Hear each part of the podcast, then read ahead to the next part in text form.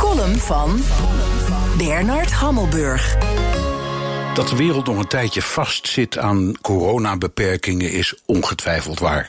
Maar om het nieuwe normaal en de anderhalve meter samenleving tot norm voor de toekomst te verheffen, lijkt me een illusie en ongewenst. Het heeft ook iets stichtelijks, alsof we worden afgerekend op ons wangedrag, zoals vliegen of het bezoeken van een bioscoop, museum, festival of restaurant.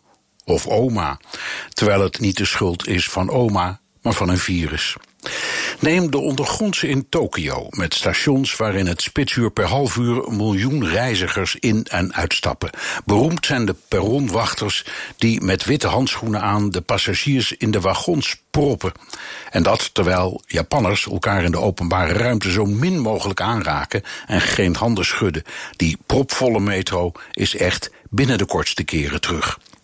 De luchtvaart is een extreem marginale bedrijfstak. In een groot vliegtuig gaan 250 tot 450 passagiers. Als je daar de anderhalve meter norm toepast, overleeft geen enkele luchtvaartmaatschappij. En nee, dat gaat niet over goedkope vakantiereisjes. En het huidige gelegenheidsvreugdedansje van sommige milieuactivisten is op zijn zachtst gezegd ongepast. Misschien kunnen sommige rijke westerse landen best de stoelen in de bioscoop iets verder uit elkaar zetten. Maar wat doe je in miljoenen steden als Mexico, Dhaka, Mumbai, Cairo, Londen, Parijs, New York? Woningen, straten, winkels, markten, kantoren, fabrieken, trappenhuizen, liften, fietsenstallingen. Ze zijn stuk voor stuk ontworpen op enorme massa's. Op Times Square in New York komen op een gemiddelde dag 70.000 toeristen. Voor het Anne Frankhuis staan elke dag 3400 mensen in de rij. Wat COVID-19 ons leert is twee dingen.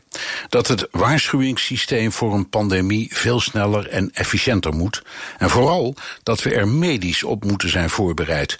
De grootste zorg is niet het aantal slachtoffers, maar de intensive care capaciteit, de beschikbaarheid van mondkapjes, beschermende jassen en beademingsapparatuur. Dat is om je rot te schamen. En daar is iets aan te doen. Het kost een vermogen, maar altijd minder dan wat we nu aan steunmaatregelen in de economie moeten pompen.